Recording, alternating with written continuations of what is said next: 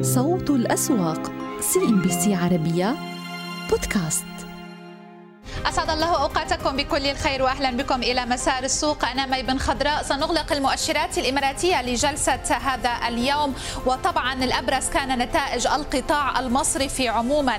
السيولة اليوم في سوق دبي سجلت تقريبا 280 مليون درهم. وبالنسبة لسوق أبو ظبي سجلنا مليار و600 مليون درهم. سوف نتابع أبرز العناوين ونعود إلى أبرز الأسهم والإعلانات والإفصاحات التي سمعناها من الشركات.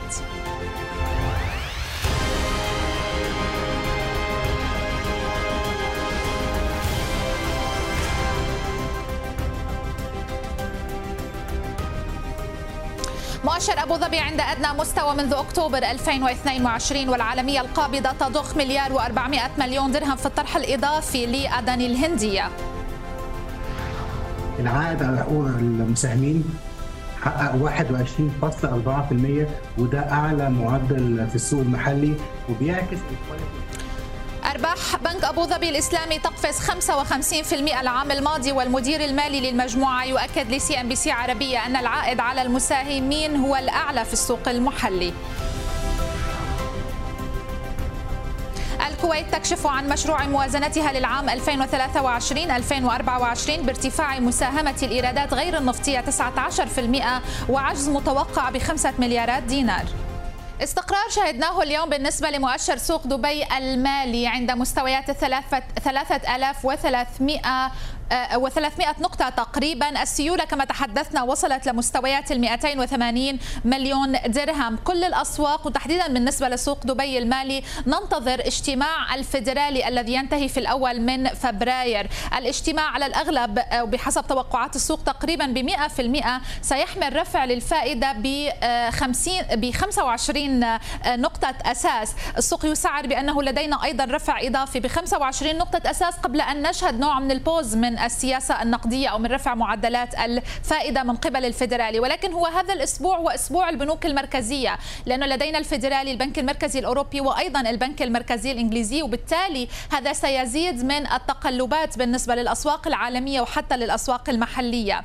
بالأسواق الخليجية وتحديدا بالنسبة للسوقين دبي وأبو ظبي كنا نشاهد ونراقب نتائج الشركات. اليوم كان التركيز بشكل كبير على نتائج القطاع المصرفي وتحديدا بأبو ظبي. سأطلعكم على آخر الأرقام بعد قليل ولكن هذا هو الوضع بالنسبة للأسهم الأكثر نشاطا في دبي بقيادة إعمار العقارية. 17 النقطة المئوية اليوم سجلناها من التراجعات. عموما اليوم كان في أيضا تقرير لأس بي جلوبل تحدث بشكل كبير عن القطاع آه، آه، آه، الاقتصاد الإماراتي وعدة قطاعات من ضمنها كان القطاع العقاري. بحسب S&P Global هن عم بيشوفوا بأنه خلال هذا العام رح يكون عندنا نوع من التباطؤ في القطاع غير النفطي. النفطي في الإمارات العربية المتحدة بسبب إنه عندنا ارتفاع لمعدلات الفائدة. وبالنسبة عموما للقطاع العقاري عم بيشوفوا بإنه في عندنا تباطؤ بوتيرة ارتفاع الأسعار وأيضا ارتفاع الإيجارات عموما. القطاع المصرفي ساتحدث عن تفاصيله بعد قليل لأنه كان لدينا تركيز من S&P Global على هذا القطاع والتوقعات إلى حد كبير هي إيجابية إذا ما نظرنا لهوامش الربحية. بكل الاحوال هذه الأسهم الرابحة اليوم بقيادة دبي التجاري السلام البحرين وتكلم تكالف الإم... تكافل الإمارات اليوم ضمن قائمة التراجعات. فوتسي أبو ظبي اليوم لدينا مستويات ال 9811 نقطة. السيولة تقريبا فاقت المليار و600 مليون درهم وهذه هي أبرز الأسهم التي نتابعها. ولكن كان لدينا تركيز كبير على أسهم المصارف. آه، لو فقط نلقي نظرة على المصارف خلينا نروح نشوف المصارف وتحديدا بداية مع آه، أبو ظبي الإسلامي لو كان بالإمكان أن نلقي نظرة على السهم. المصرف أعلن عن ارتفاع بالأرباح لمستويات 3 مليار و600 مليون درهم يعني كان عندنا ارتفاع ب 54% بشكل سنوي عن العام 2022 وأرباح الربع الرابع فقط ارتفعت ب 56% لتسجل مليار و130 مليون درهم. السبب بالارتفاع الذي شهدناه بأرباح العام الماضي كان عاملين. الأول بأنه كان لدينا تراجع بالمخصصات 19% ل 768.9 مليون درهم درهم والأمر الآخر أنه كان لدينا ارتفاع بالإيرادات التشغيلية 31% ل 7.7 مليار درهم. ودائع العملاء ارتفعت أيضا 26% والموجودات ارتفعت 23% والمصرف أعلن عن توزيعات نقدية 49% عن العام الماضي. السهم بأول ساعة من التداول شهد ارتفاع و spike ب 6% تقريبا. أغلقنا اليوم السهم عند مستويات التسعة دراهم. و42 فلس بكل الأحوال النتائج كانت جدا إيجابية. دعونا نستمع إلى ما قاله الرئيس المالي في لقاء خاص مع CNBC عربية حول تفاصيل هذه النتائج وأعود إلى التفاصيل الأخرى. الأهم من كده إن بزيادة في الإيرادات ب 23% والمصروفات زايدة ب 6% والمخصصات انخفضت ب 19% العائد على حقوق المساهمين حقق 21.4% وده أعلى معدل في السوق المحلي وبيعكس ال quality of earnings يعني مش موضوع بس إن 55% زيادة ولكن جودة الصافي الربح طبعا كان في يعني حاجة إحنا مركزين عليها جدا مع طبعا الازدياد في الاصول ب 23% فمن جميع الجهات سعداء جدا بالنتائج. هو هو بالنسبة لمعدلات الفائده في السوق الخارجي صافي هامش ربح حاليا لمصرف ابو الإسلامي يتمثل في 3.5% وده طبعا مدعوما بجودة تكلفة التمويل للمصرف.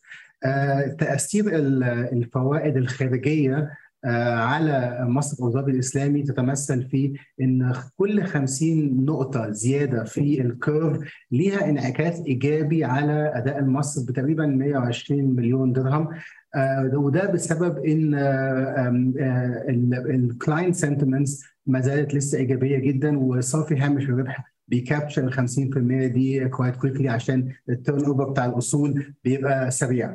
فملخص 50 نقطة بتمثل 120 مليون درهم فايدة للمصرف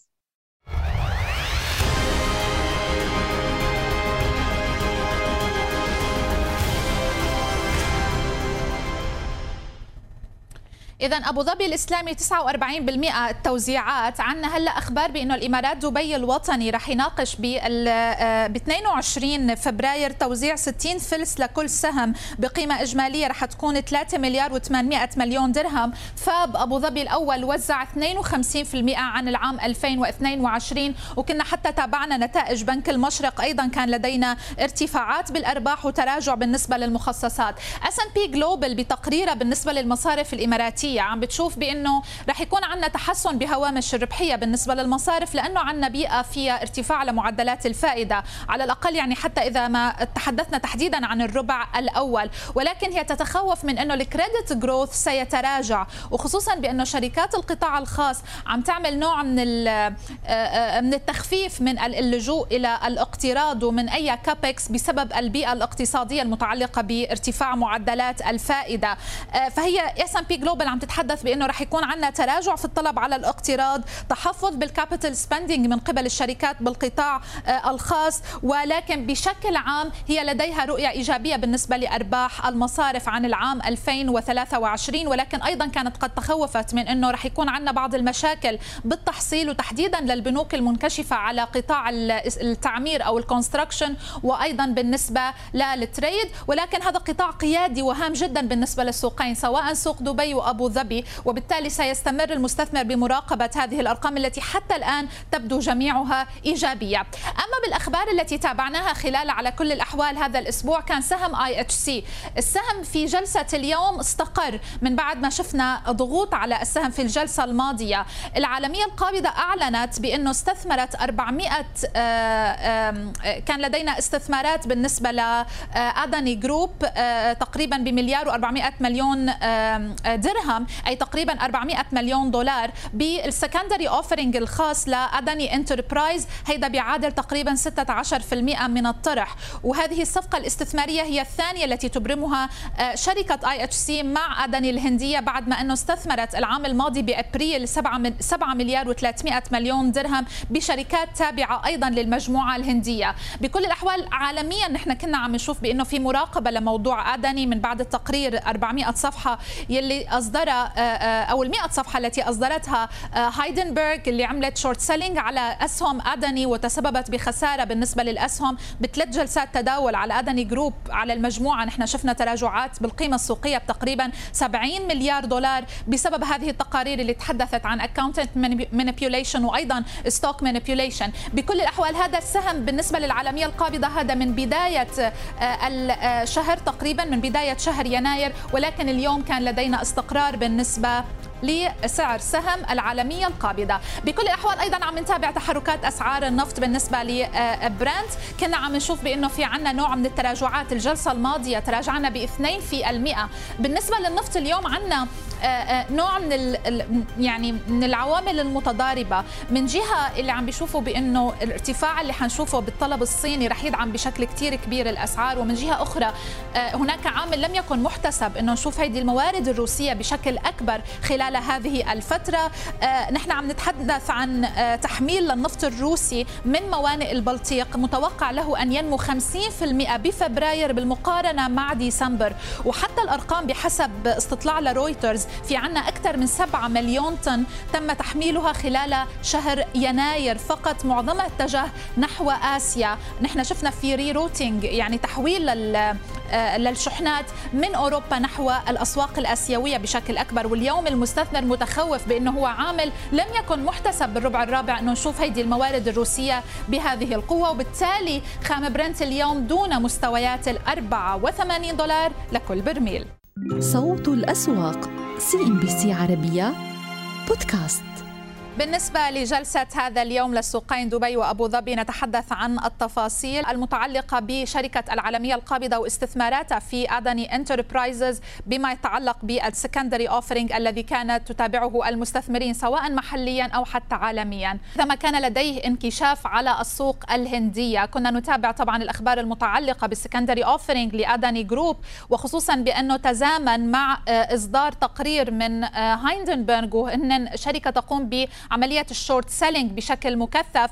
هذه الشركة أصدرت هذه التقارير التي تحدثت عن آه، مشاكل بما يتعلق بالأداء المحاسبي ل Adani Group وبالتالي تسببت بمحو القيمة السوقية للمجموعة بأكثر من 70 مليار دولار. وشفنا ضغوط حتى على السندات الدولارية المصدرة من قبل الشركة. آخر هذه الأخبار كان لدينا العالمية القابضة أعلنت بأنه هي مستثمرة في Adani Group آه، ب Adani Enterprises آه، صراحة بأكثر من مليار و400 مليون درهم. شهدنا بعض الضغوط على أسهم IHC الجلسة الماضية ولكن في جلسة اليوم لدينا نوع من الاستقرار. هذه المرة نعود إلى أجواء السوق والزميل أسيد خريسات سوف يكون لدينا ومعنا بعد قليل ولكن دعونا إذا نذهب في هذا العرض للزميلة رولا الطراونه التي ستطلعنا فيه على المزيد من التفاصيل بما يتعلق بانكشاف العالمية القابضة على أداني Enterprise.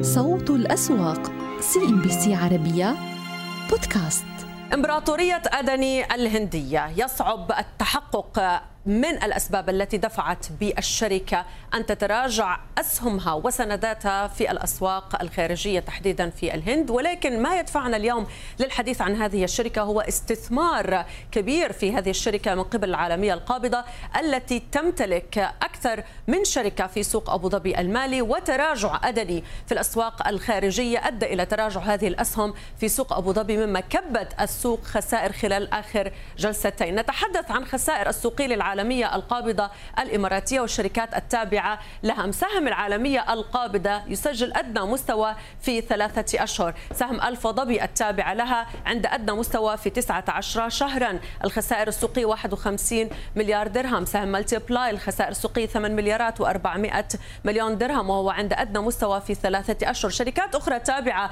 للعالمية القابضة التي أيضا سجل سهمها ارتفاع في السنوات الأخيرة بأكثر من 2400% و ولم تجد يعني الأوساط المالية أسباب قوية وراء هذا الدفع الكبير نحو الارتفاع. اليوم يتهاوى تتهاوى الاسهم التابعة لها Q القابضة. يخسر 4 مليارات و400 الصير Marine هو الأقل ربما ضمن الغذاء القابضة. Easy Lease Palms الرياضية و ESG جميعها شركات تابعة للعالمية القابضة تخسر بما مجموعه يصل إلى 51 مليار درهم. إجمالي الخسائر السوقية للتسعة الشركات مجتمعة في جلستي السابع والعشرين والثلاثين من يناير. قرابة 98 مليار درهم كما ذكرنا. ولكن نذهب إلى جذور الأزمة.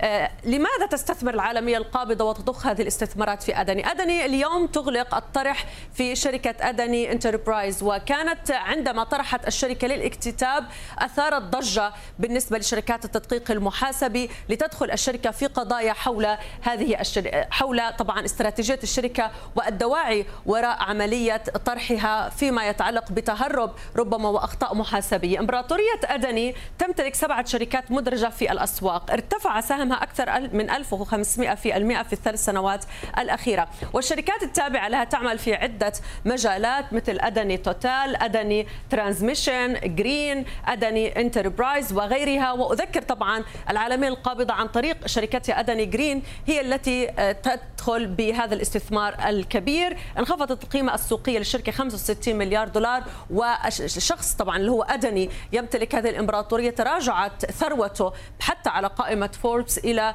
الثلث تقريبا. يعني خسر ثلث من ثروته الكبيرة حدود 20 مليار دولار. نتحدث عن التراجع القوي جدا في أسهم هذه الشركات التابعة. ولكن هذه الخسائر مردها بالدرجة الأولى تعود إلى ما أثارته طبعا آه، الكثير كما ذكرنا من الشركات حول عملية الطرح الأخيرة. جمعت الشركة 200 مليار روبية عن طريق بيع أسهم في نطاق بين 3 و11 إلى 23 روبية.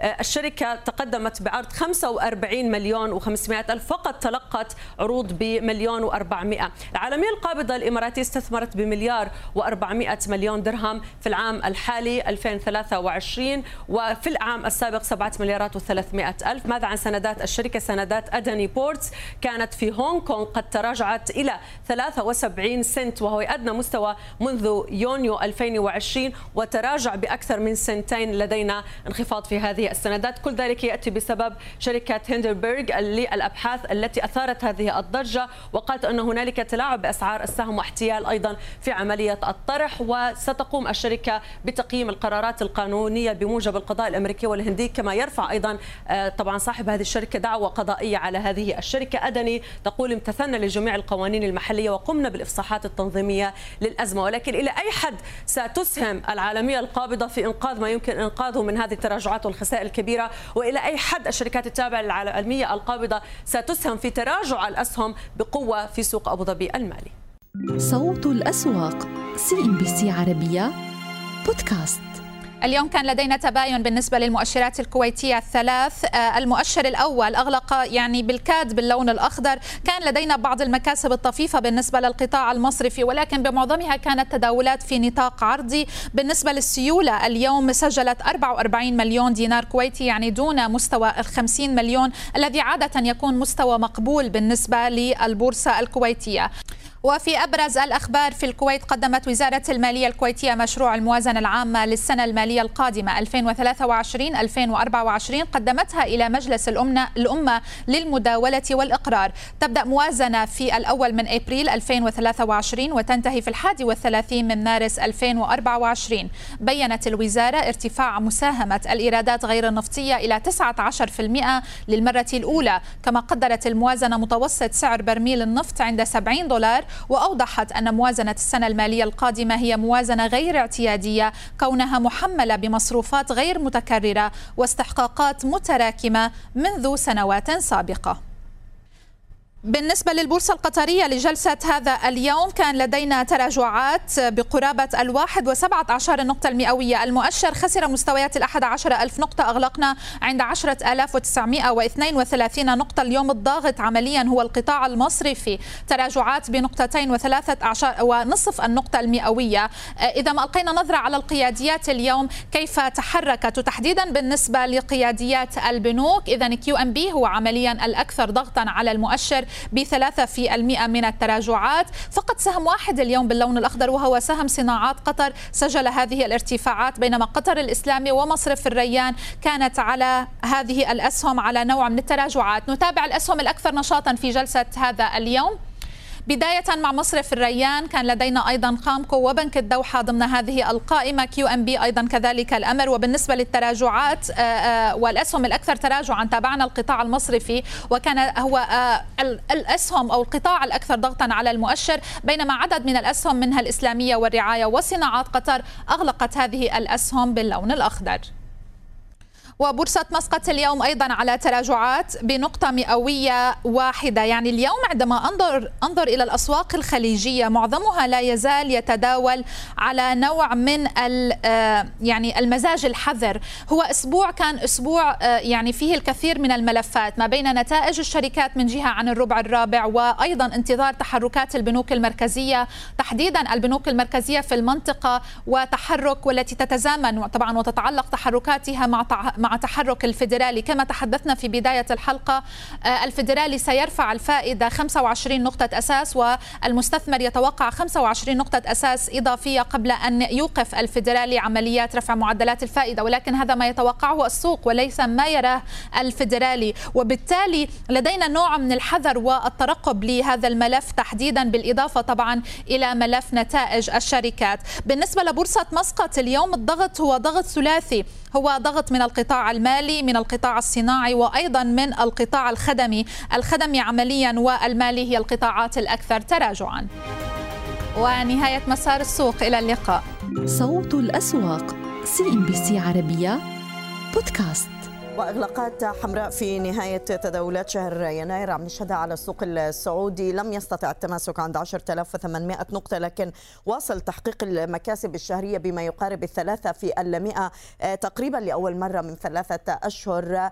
آه، لاحظنا 20 نقطة المئوية السيوله قفزت في ختام هذا الشهر ل 4 مليار و592 وقلصنا حتى صافي البيع في اللحظات الأخيرة من المزاد لتبقى فقط بحدود ال 5 مليون و400 36 آه، ألف ريال. كان في حركة متباينة على القطاعات وكان قطاع الطاقة طبعا هامشي تحركاته صوب التراجع مع خسائر أسعار النفط. البنوك بأقل من عشر النقطة المئوية بعد الرشح. ما زلنا منتظرين البنوك الأخرى تعلن عن نتائجها ومنها البنك الأهلي هو الأعلى من حيث الموجودات. السلع الرأسمالية بأقل من عشر النقطة التأمين حركة إيجابية اليوم من بعض الأسهم دعمت تحركات القطاع بشكل عام عم بضيف أكثر من 2% المواد الأساسية.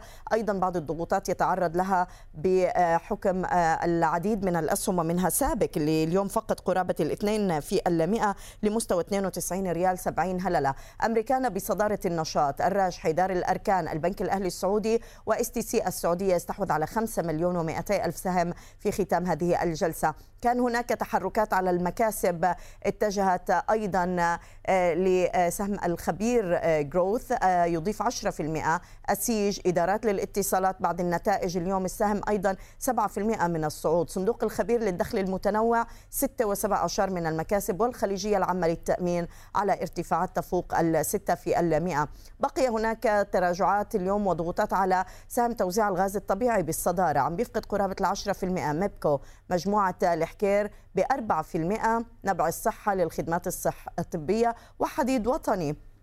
سنترقب طبعا نتائج الشركة أيضا. اليوم السهم عليه خسائر تقترب من 4% لمستويات 49 ريال 70 هللة هذه القياديات تأتي متباينة. بعد الصعود للبنك الأهلي الراجحي ب 20 نقطة وضغوطات على جبل عمر مع نهاية التداولات.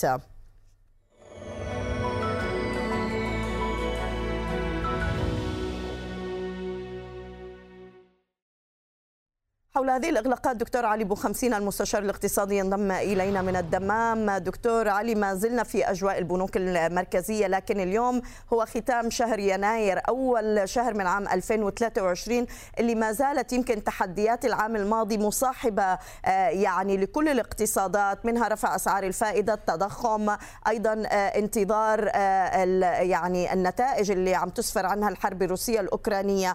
السوق حاول أنه يتمسك بالمكاسب عم نتحدث نتحدث عن آه، صعود يقترب ب 3% لأول مرة منذ ثلاثة أشهر هل بيوعدنا آه، فبراير بحكم موسم إعلان النتائج بأداء أفضل للسوق برأيك؟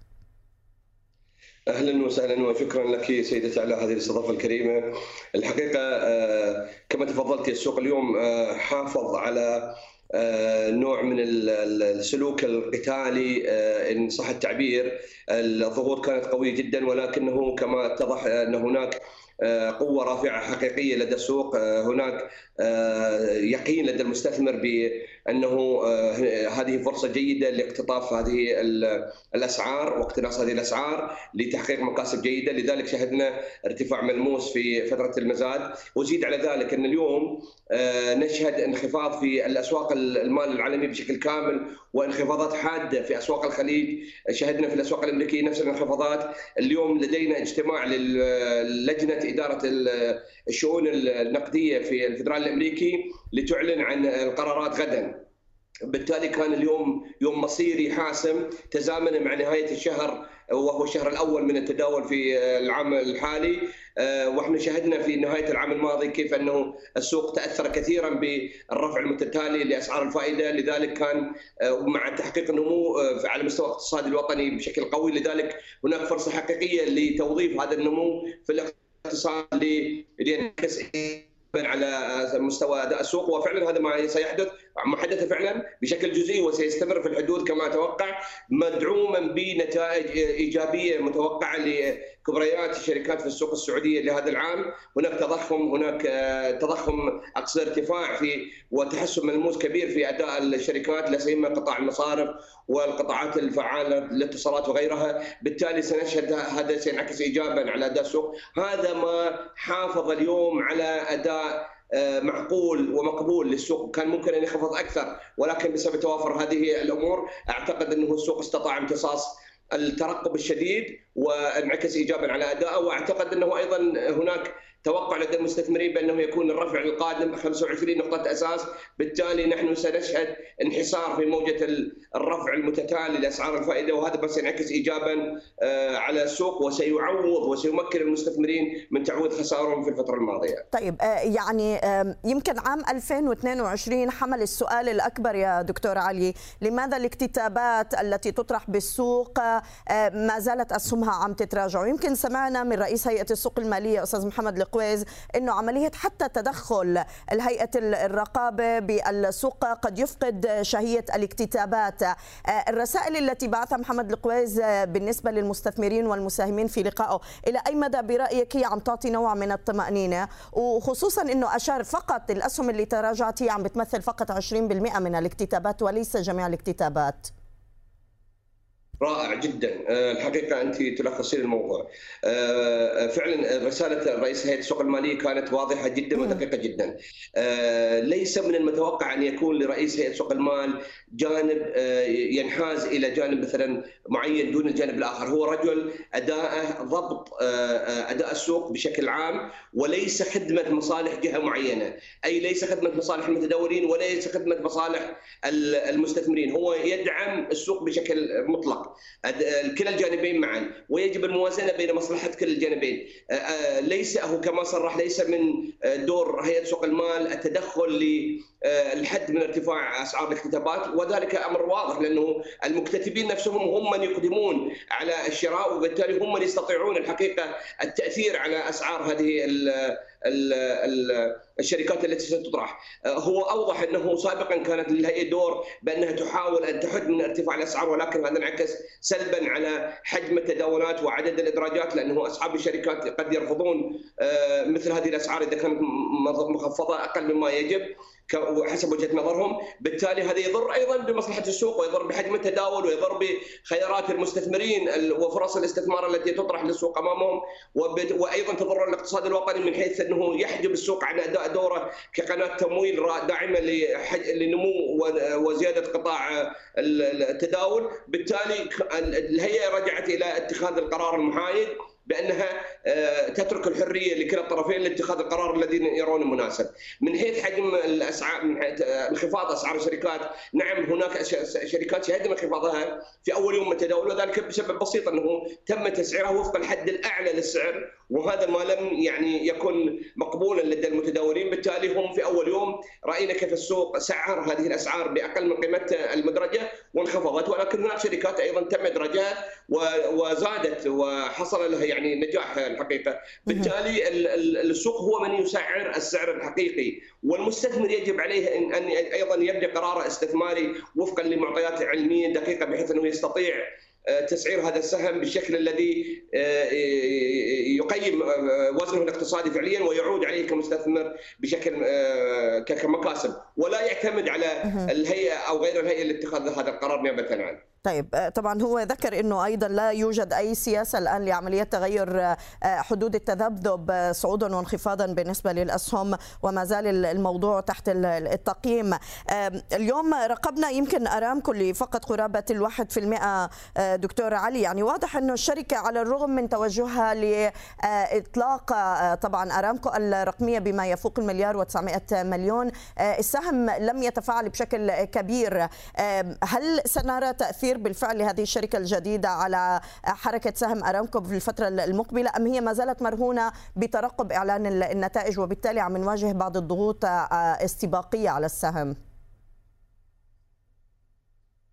آه كما تفضلتي آه, آه، حجم حجم أسهم شركة أرامكو كبير جدا وبالتالي تأثير مثل هذا الخبر سيكون محدود. آه نعم سيكون هناك تأثير إيجابي والمالكون لأسهم شركة أرامكو يقيمون هذا الأمر بشكل إيجابي ولكن تأثير هذه المعلومة في الفترة الحالية سيكون محدودا نظرا لأنه كما اسلفتي الآن نحن بانتظار الاعلان النتائج النهائية وطبعا هذا العام سيكون عام ذهبي جدا لشركة أرامكو آه، آه، لأنه كانت أسعار البترول فيه مرتفعة جدا ومحلقة الحقيقة وبالتالي سينعكس ايجابا على أرباحها وهذا ما سيرفع سعر السهم. لذلك اليوم لم نشهد تأثر سريع لأنه حتما المضاربين والمتداولون يعلمون بهذا الأمر. لذلك يضغط يضغطون على سعر السهم حاليا آه، لأنهم يعلمون أنه آه، سيحقق مكاسب كبيرة في حال إعلان أسعار نتائج أعمال الشركة بالتالي سيقطفون ثمار امتلاك هذه الأسهم. الحقيقة نعتقد أنه آه، أرامكو متجهة بشكل ترسخ اولا قيادتها في قطاع أسواق النفط والطاقة العالمية وتفتح أسواق جديدة مستفيدة من أدوات الرقمنه الحديثة لتغير من هوية الشركة نعم. وأنها تكتسب الريادة دائما في قطاع الاتصالات الرقمية والاقتصاد الرقمي وهذا بالطبع ينعكس ايجابا على قيمة الشركة الحقيقة وقدرتها على إدارة أعمالها وأيضا يرسخ قيادتها في الاستثمارات الرقمية في الأسواق النفط الطاقة النفط والطاقة العالمية. هذا كله ينعكس ايجابا ويحقق مزيد من نجاح شركة أرامكو في تحقيق مستهدفاتها الاستراتيجية. هذه في النهاية ضمن خطة شاملة ترتقي بقيمة أرامكو السوقية حينما يتم طرح أجزاء طيب. مستقبلية. هذه ليست يعني أهداف تكتيكية هي تخدم في النهاية الهدف الاستراتيجي لتعظيم قيمة الشركة. ومن جانب آخر تقليص آه، آه، تركيز اعتماد الشركة على الشركات التابعة لها وإنما تكون هناك شركات تتحول من أصول وتكا يعني غير منتجه إلى أصول منتجة ماليا آه، ويتم طرحها في السوق وهذا أيضا يعظم من قدرة شركة أرامكو على إدارة طيب. أعمالها وأنشطتها وقدرتها على التركيز على الدخول لأسواق الجديدة للهيدروجين آه، تمام آه، الأزرق كما هو معلن وهذا أيضا سبب إيجابي. آخر لاهتمام الشركة بالتركيز على آه، القطاع الرقمي. أريد أن انتقل سريعا للبحري لأنه اليوم أداء جيد بالنسبة للربع الرابع، اليوم الشركة عم تستفيد واضح من عملية تجديد الأسطول وعملية بيع بعض السفن وهو ما عزز يمكن من الإيرادات، هل الشركة قابلة لتحقيق هوامش ربحية أكبر آه، برأيك في ظل ارتفاع أسعار النفط وقدرتها على يعني العمليات التشغيلية لهذا النقل؟ الحقيقة هي تعيش آه، فترة ذهبية شركة النقل البحري. آه، هذه الأيام والسنوات السنتين الماضيتين كانت إيجابية جدا لها مع انفتاح الاقتصاد وزيادة آه، الطلب على العمليات التشغيلية والانشطات التشغيلية. راك زاد الأمر جودة بالنسبة لهم قدرتهم على التخلص من بعض الأصول كما تم الإعلان عنه بإيرادات ربحية. انعكست ايجابا على هامش الربح للشركه الهامش إجمالي الربح. العام للشركة بالتالي استطاعت تحقيق الحقيقة مكاسب إضافية بجانب تحسن نشاطها التشغيلي وارتفاع إيرادات نشاطها التشغيلي هذا الامران صب ايجابا على سعر السهم حتما كان سينعكس على سعر السهم ونعتقد أنه أيضا في حال اعلان النتائج النهائية واستمرار التحسن في الفترة القادمة سيرتفع السهم أكثر مما هو عليه حاليا. طبعا عم نذكر بانه أرباح الربع الرابع وصلت ل 578 مليون و100 ألف ريال نتيجة لبيع السفن ضمن خطة تجديد الأسطول التي أعلنت عنها شركة البحري أشكرك دكتور علي بو 50 المستشار الاقتصادي كنت معنا من الدمام. شكرا لك.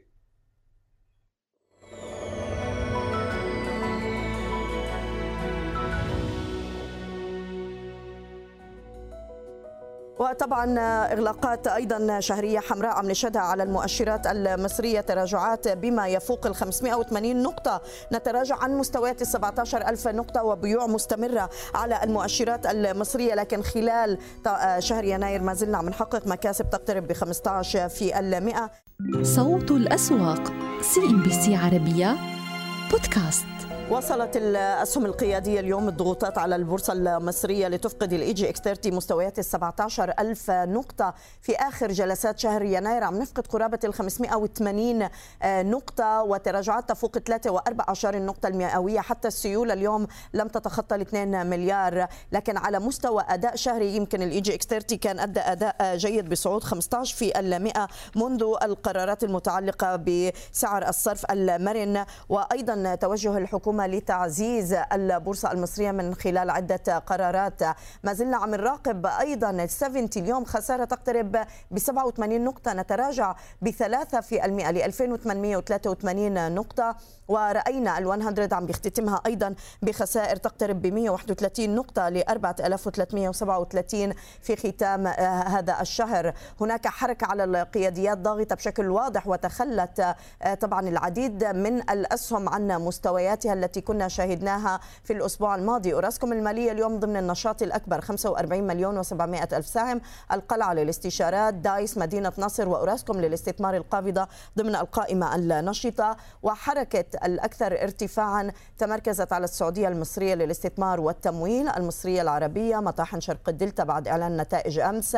والقاهرة للخدمات التعليمية إلى جانب الدلتا للتأمين عم بضيف 10 ونصف النقطة المئوية. الضغوطات جاءت متبوعة لصندوق المصريين للاستثمار العقاري بالصدارة وهناك أكرو مصر أيضا يخسر قرابة 13 ونصف النقطة المئوية. حركة القياديات كما ذكرنا اليوم واضح أنها مؤثرة بشكل واضح. تخلي البنك التجاري الدولي عن مستوى ال 50 جنيه كان ضاغط بشكل كبير على المؤشر. فقدنا 5 و17 النقطة المئوية. حافظت المصرية للاتصالات على مكاسبها بما يفوق ال 5% القطاع العقاري أغلبه اليوم متراجع. إعمار مصر 5% من الخسائر. عامر جروب عند 80 قرش يفقد 2.5 النقطة المئوية والنساجون الشرقيون. باقي القياديات سودك اليوم كان أيضا متأثر بهذا التراجع ليفقد مستويات ال 16 جنيه عندنا طلعت مصطفى ل 10 15 بأكثر من 4 وربع. وهرمز أيضا بقي ضاغط على المؤشر بما يفوق 3 و14 النقطة المئوية ما زلنا عم نذكر طبعا أنه هو اليوم الأخير للشهادات ذات العائد المرتفع حيث قررت البنوك الحكومية في مصر المصري والأهلي وقف إصدار شهادات الادخار بعائد ال 25% بعد أن جمعت هذه الشهادات نحو نصف تريليون جنيه. ليبدأ الحديث عن البدائل الاستثمارية الأخرى في مصر لمواجهة ارتفاع معدلات التضخم وهي البدائل التي تتضمن الاستثمار في البورصة والذهب وكذلك العقارات. بعد نحو شهر من إصدارها ها هي البنوك الحكومية في مصر تسدل الستار على شهادات الادخار ذات العائد التاريخي. لتلفت أنظار المواطنين صوب أدوات الاستثمار والادخار الأخرى في محاولة للحفاظ على مدخراتهم من التآكل جراء ارتفاع معدلات التضخم. فبحصيلة ناهزت نصف تريليون جنيه توقف البنوك